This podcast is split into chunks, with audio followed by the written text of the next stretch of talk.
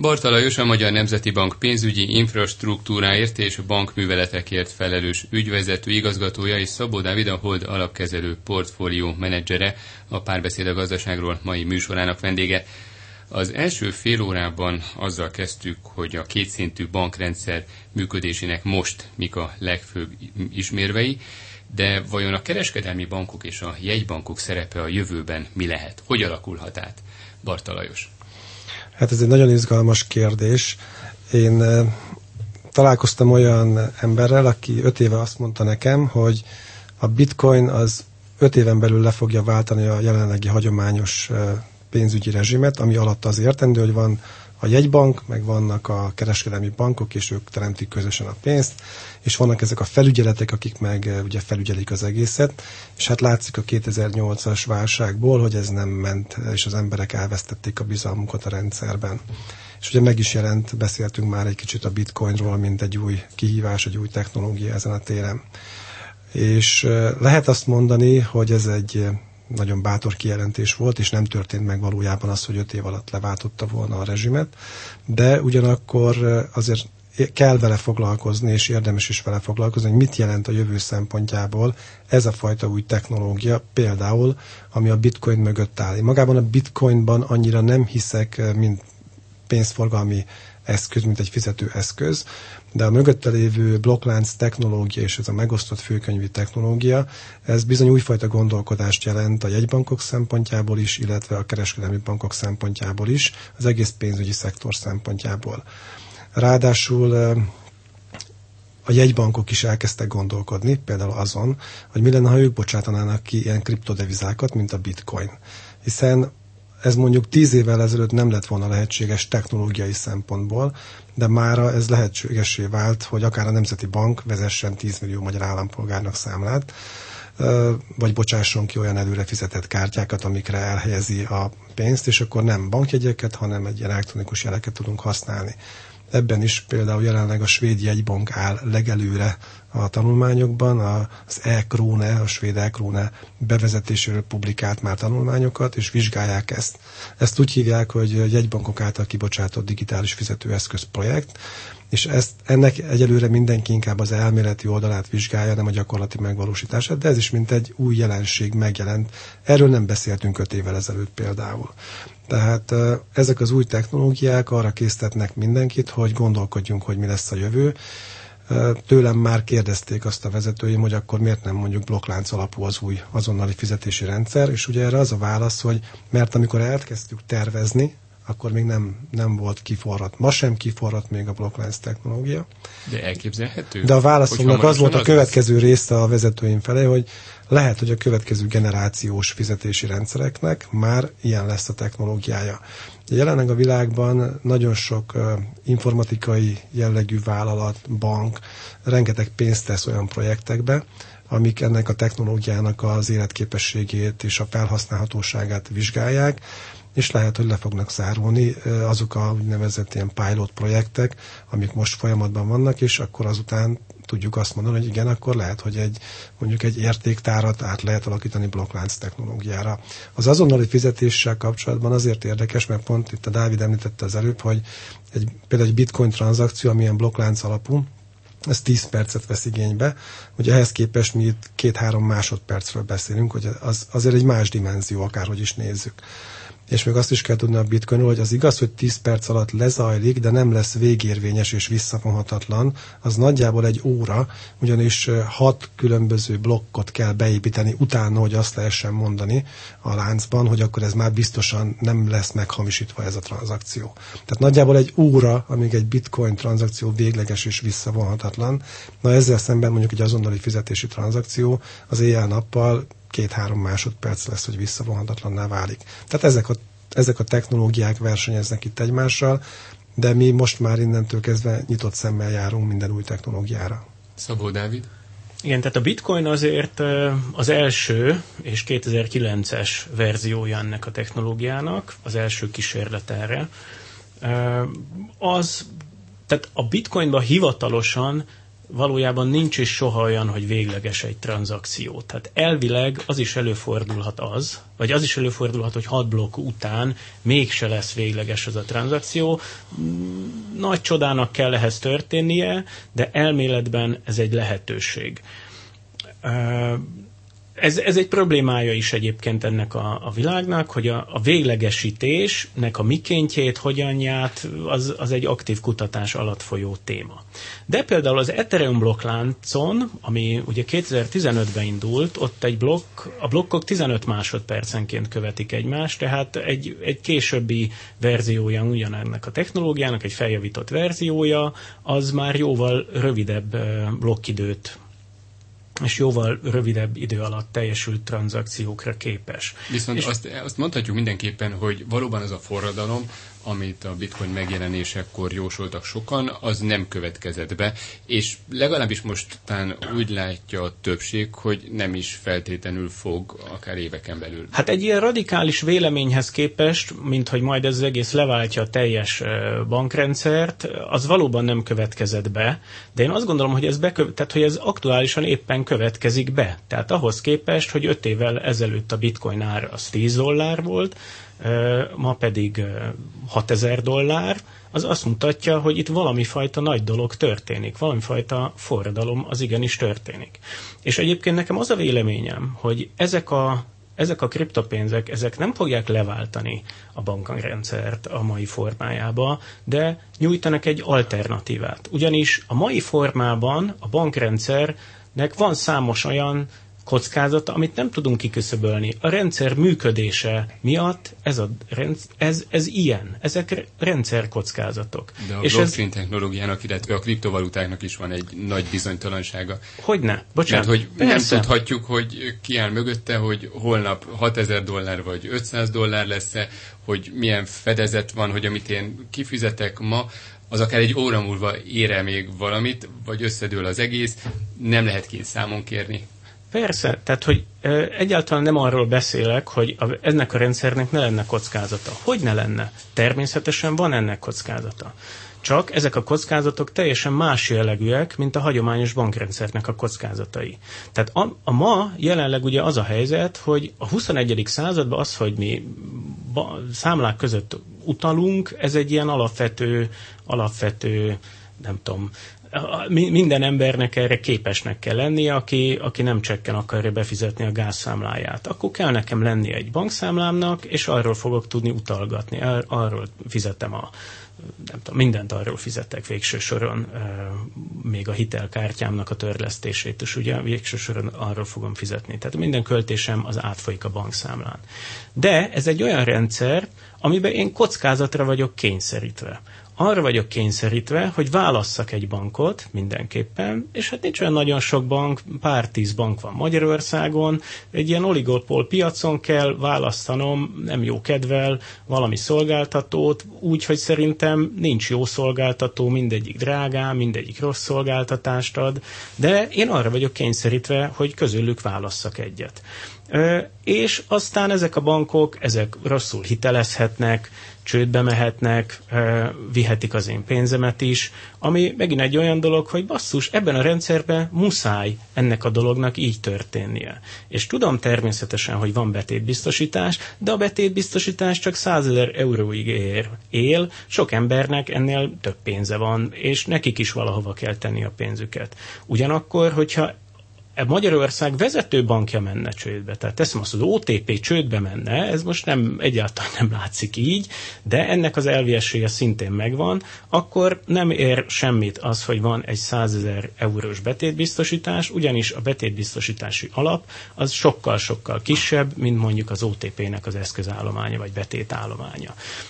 Ez aztán más problémákhoz vezet, akkor az állam érdekelt lesz abban, hogy ez a úgynevezett too big to fail, tehát hogy ú, ez a bank ez túl nagy, ezt inkább mentsük meg adófizetői pénzből, mert annál sokkal nagyobb bajt okozna az, hogyha bedőlne. Ezt Amerikában láttuk. Tehát ezek... Igen, csak hát ugye amit pont, amit ön mond, hogy Magyarországon, hogyha ön vagy én el szeretnék a pénzünket helyezni, valószínűleg nagyobb biztonságban van egy hazai bankban, mint hogyha egy távoli, nem kézzelfogható, egy állam által nem szabad. De nem az a lényeg. Tehát ez igaz, ez jelenleg igaz. De a lényeg az az, Nem, tehát a lényeg az az, hogy más jellegű kockázatok érvényesülnek az egyik és a másik rendszerben.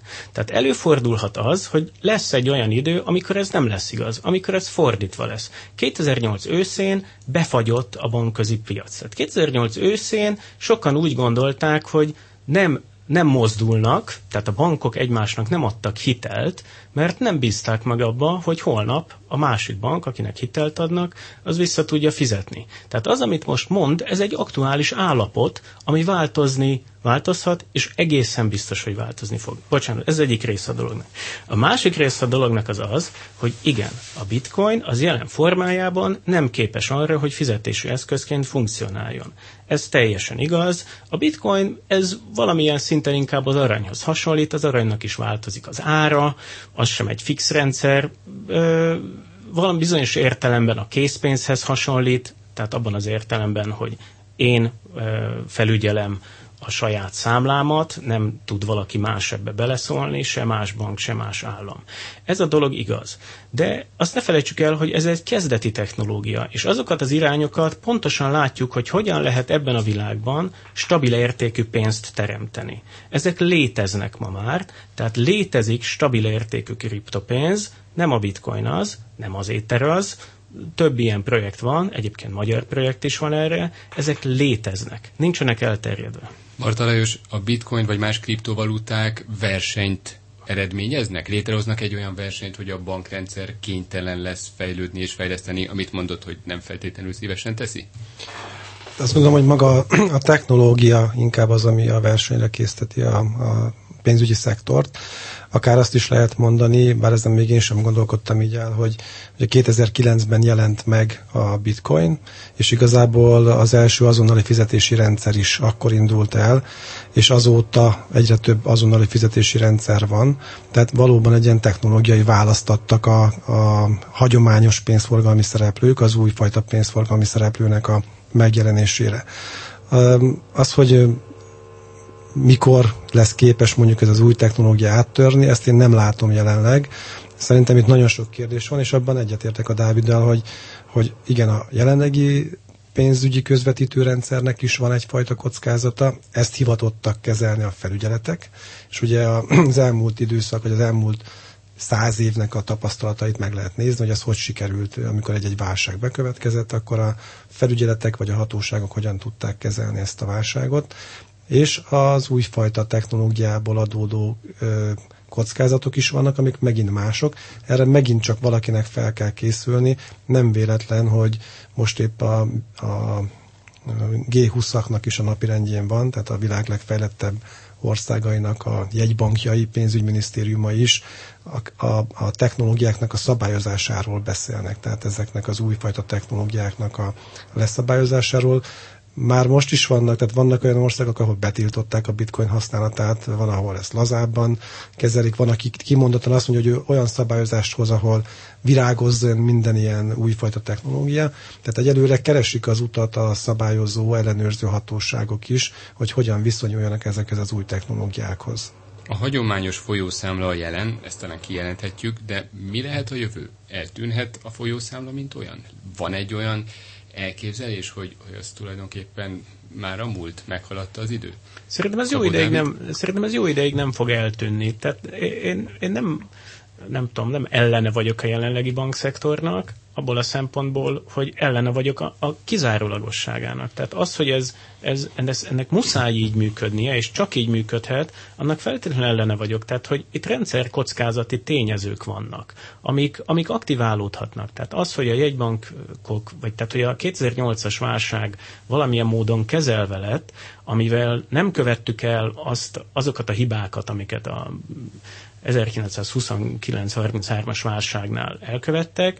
Ez igaz, ez egy tök jó irány. Levitték a jegybankok nullába a kamatot, az se volt elég, elkezdtek pénzt nyomtatni.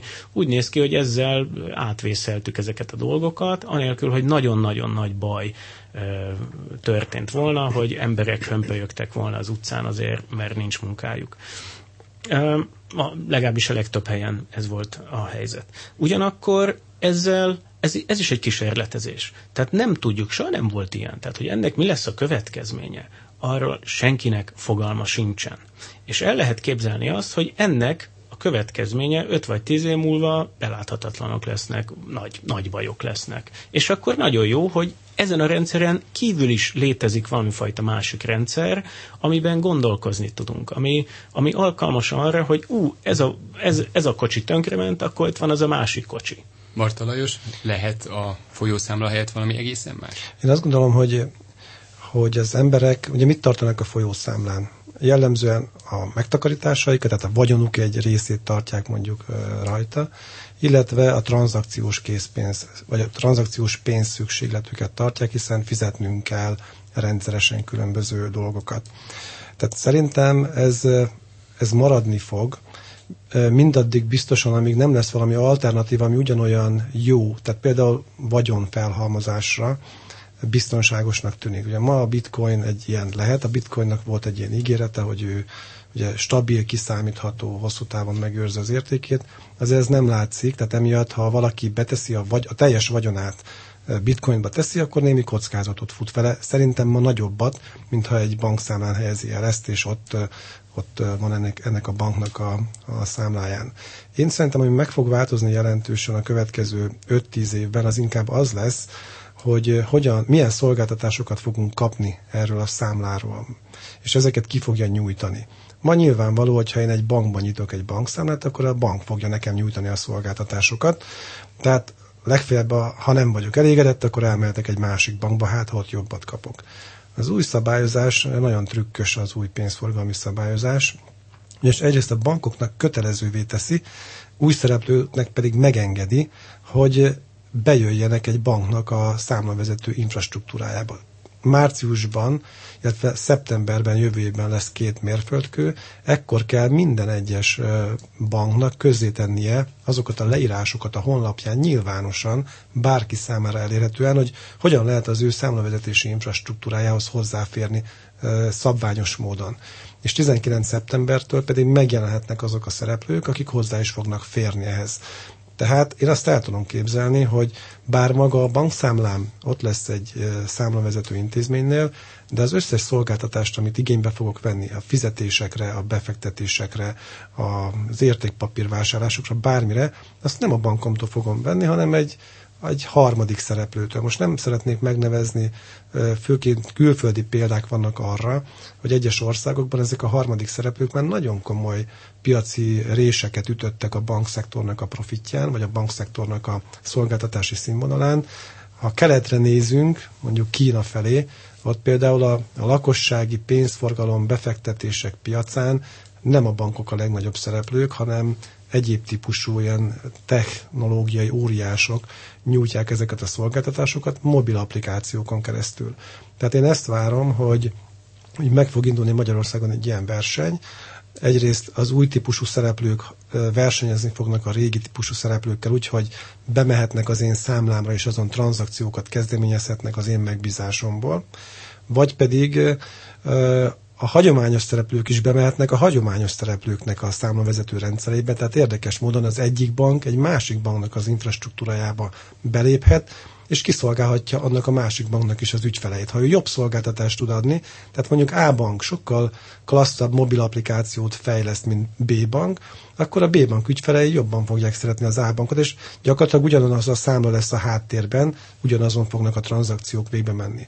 Innentől kezdve a egyes szereplőknek a feladata annyi maradt, hogy terhel, jóváír, terhel, jóváír, de minden egyéb hozzáadott értékű szolgáltatást azt valaki más fogja nyújtani. Ugye említette Kínát, ahol tulajdonképpen átlépték a fejlődés egyik szakaszát, átértek az egyik szakaszon, a bankkártyák csak rövid ideig voltak, mondjuk így, hát nem is túlsúlyban, de a piacon, és most már nagyon sokan talán többen fizetnek mobil applikációval, mobiltárcával, mobiltelefonnal, mint bankkártyával.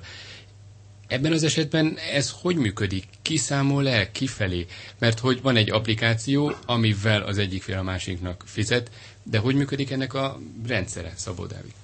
Nem tudom pontosan, hogy hogy működik. Azt sejtem, hogy ez úgy működik, hogy, hogy tehát a, a, akikről mi beszélünk, ez az Alipay, az Alibabának egy leányvállalata, meg a WeChat Pay, egy kvázi konkurens, bár ezt egy ilyen államilag erősen szabályozott államban lehet, hogy ez egy ilyen irányított konkurencia.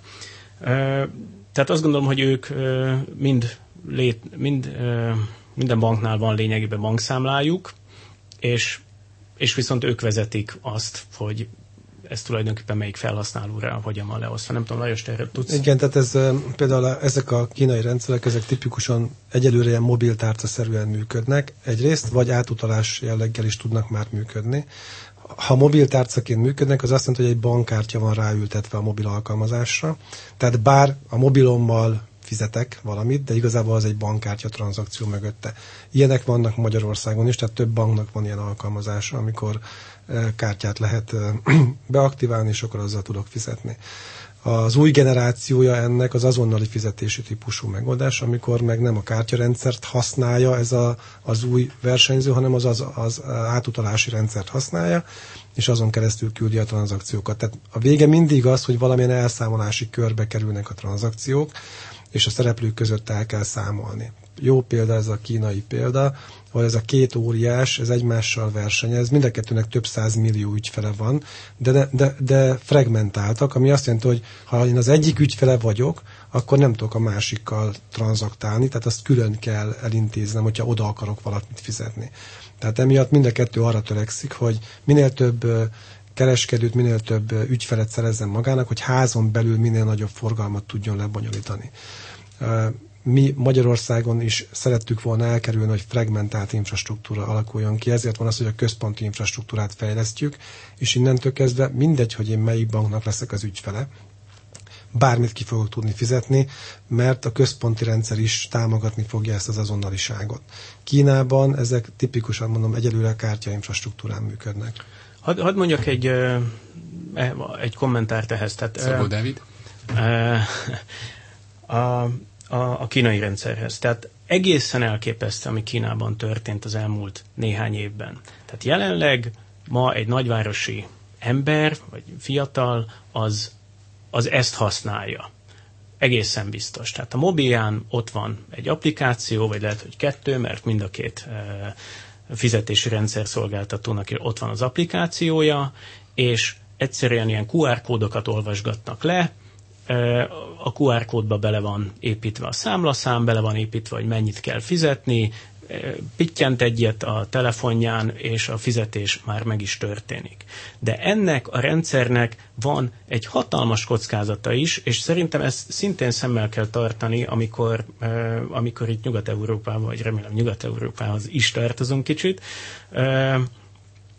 centralizált szolgáltatásokat építünk. Ez pedig az, hogy Kínába ezzel csúnyán visszajelnek.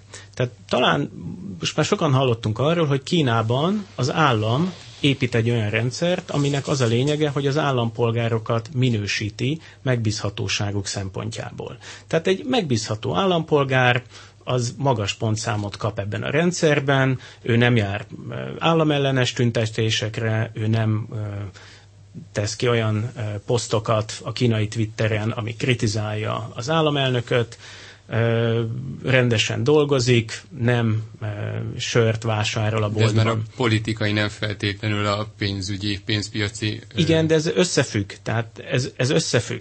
Ugyanis egy ilyen centralizált rendszerben lehetséges az, hogy nézzük azt, hogy ki mire, pölti, ki mire költi el a pénzét. Kínában ez történik, tehát az alapján is ítélnek meg állampolgárokat, hogy ők mire költik el a pénzüket. És ez alapján e, differenciálják őket. Van, aki alacsony pontszámot ér el az állampolgári e, versenyben, és ezért nem tud repülőjegyet vásárolni. Viszont ha Igen? a pozitív részét nézzük, amit valószínűleg a nyugat is átvesz, nem a pontozást, hanem a technológiát, ez lehet talán a jövő? Mert itt nem bankkártyával fizetünk. De nem egyszerű... tudunk enélkül beszélni, tehát hogy nem tudunk egyik a másikról beszélni róla, csak hogyha becsukjuk a, a szemünket és föl, fölbe dugjuk a, a fejünket. Tehát, hogy az egy nagyon-nagyon fontos rend, kérdés úgy kialakítani egy rendszert, hogy abból ne lehessen ilyen hatalmas visszaélés, ami egyébként Kínában központi szinten, állami szinten megtörténik. Tehát, hogy szeretném hangsúlyozni, itt milliók, milliókat hoz hátrányos helyzetbe az állam. Marta Lajos? Én azt gondolom, hogy maga az, hogy létrejönnek mondjuk központosít, vagy központi rendszerek működnek, mint nálunk is ma is egyébként így működik. Ez, ebből nem következik az automatikusan, hogy az államnak rá kell tennie a kezét erre. Ez egy állami döntés, hogy, hogy hogyan reagál. Ettől még maga az infrastruktúra jó, én azt gondolom, hiszen lehetővé teszi az embereknek, hogy gyorsan, kényelmesen, olcsón fizethessenek és részt vehessenek a gazdasági életben hogy aztán, tehát Magyarországon eddig is központosított volt a rendszer, és mégsem volt semmilyen ilyen visszaélés az adatokkal. Bocsánat, uh, ezt nem magyar... tudjuk. Tehát, hogy az, hogy itt nincs államilag uh, ilyen elmondott visszaélés az adatokkal, ezt azért nem tudhatjuk. Hát biztosan. mi azt tudjuk a Nemzeti Bankból, hogy azokat az adatokat, amik a fizetési rendszerben közlekednek, ezt semmilyen állami szerv nem használja. Amikor az állam szeretne beavatkozni, tehát például pénzmosás, pénzmosás ügyében nyomoz, tegyük fel, akkor megvan rá joga, hogy magát a bankokat megkeresse, és információt kérjen az ügyfelektől, és akkor a bankoknak ezt meg is kell adni. Tehát, De egy politikailag motivált információszerzések is lehetnek. Tehát, hogy én arról beszélek, igen, hogy igen, a... egy ilyen rendszernek a képítése az jó, csak fontos úgy képíteni ezt a rendszert, hogy abban ne történhessen meg ilyen központi visszaélés. Egy nagyon rövid kérdés Bartalajoshoz. Miért nem terjedt el, illetve mikor terjedhet el akár ez a technológia Nyugat-Európában? Nyugat-Európában rövidesen el fog terjedni ez a technológia, az azonnali fizetés és a ráépülő mobil applikációk, mert éppen november 30-án fogja elindítani az Európai Központi Bank több jegybankkal közösen a pán-európai azonnali fizetési rendszert, és tavaly pedig elindította az Európai Bank Szövetség a saját szintén pán-európai rendszerét. Egy dolog miatt terjed lassabban, tehát a technológia már létezik és ott van. Magyarország ki, különleges igazából az azonnali fizetés szempontjából, mert mi jogszabályban kötelezővé tettük, hogy minden magyar banknak kész kell lennie, és egyszerre csatlakoznia kell a rendszernek, és onnantól kezdve bizonyos tranzakciókat csak ebben az új rendszerben lehet forgalmazni. Nyugat-Európában ez nem így zajlik. Nyugat-Európában úgy van, hogy az infrastruktúra szolgáltatók létrehozzák az új technológiát, az új infrastruktúrát, és amikor valaki úgy érzi, hogy ő kész van, felkészült, akkor csatlakozik.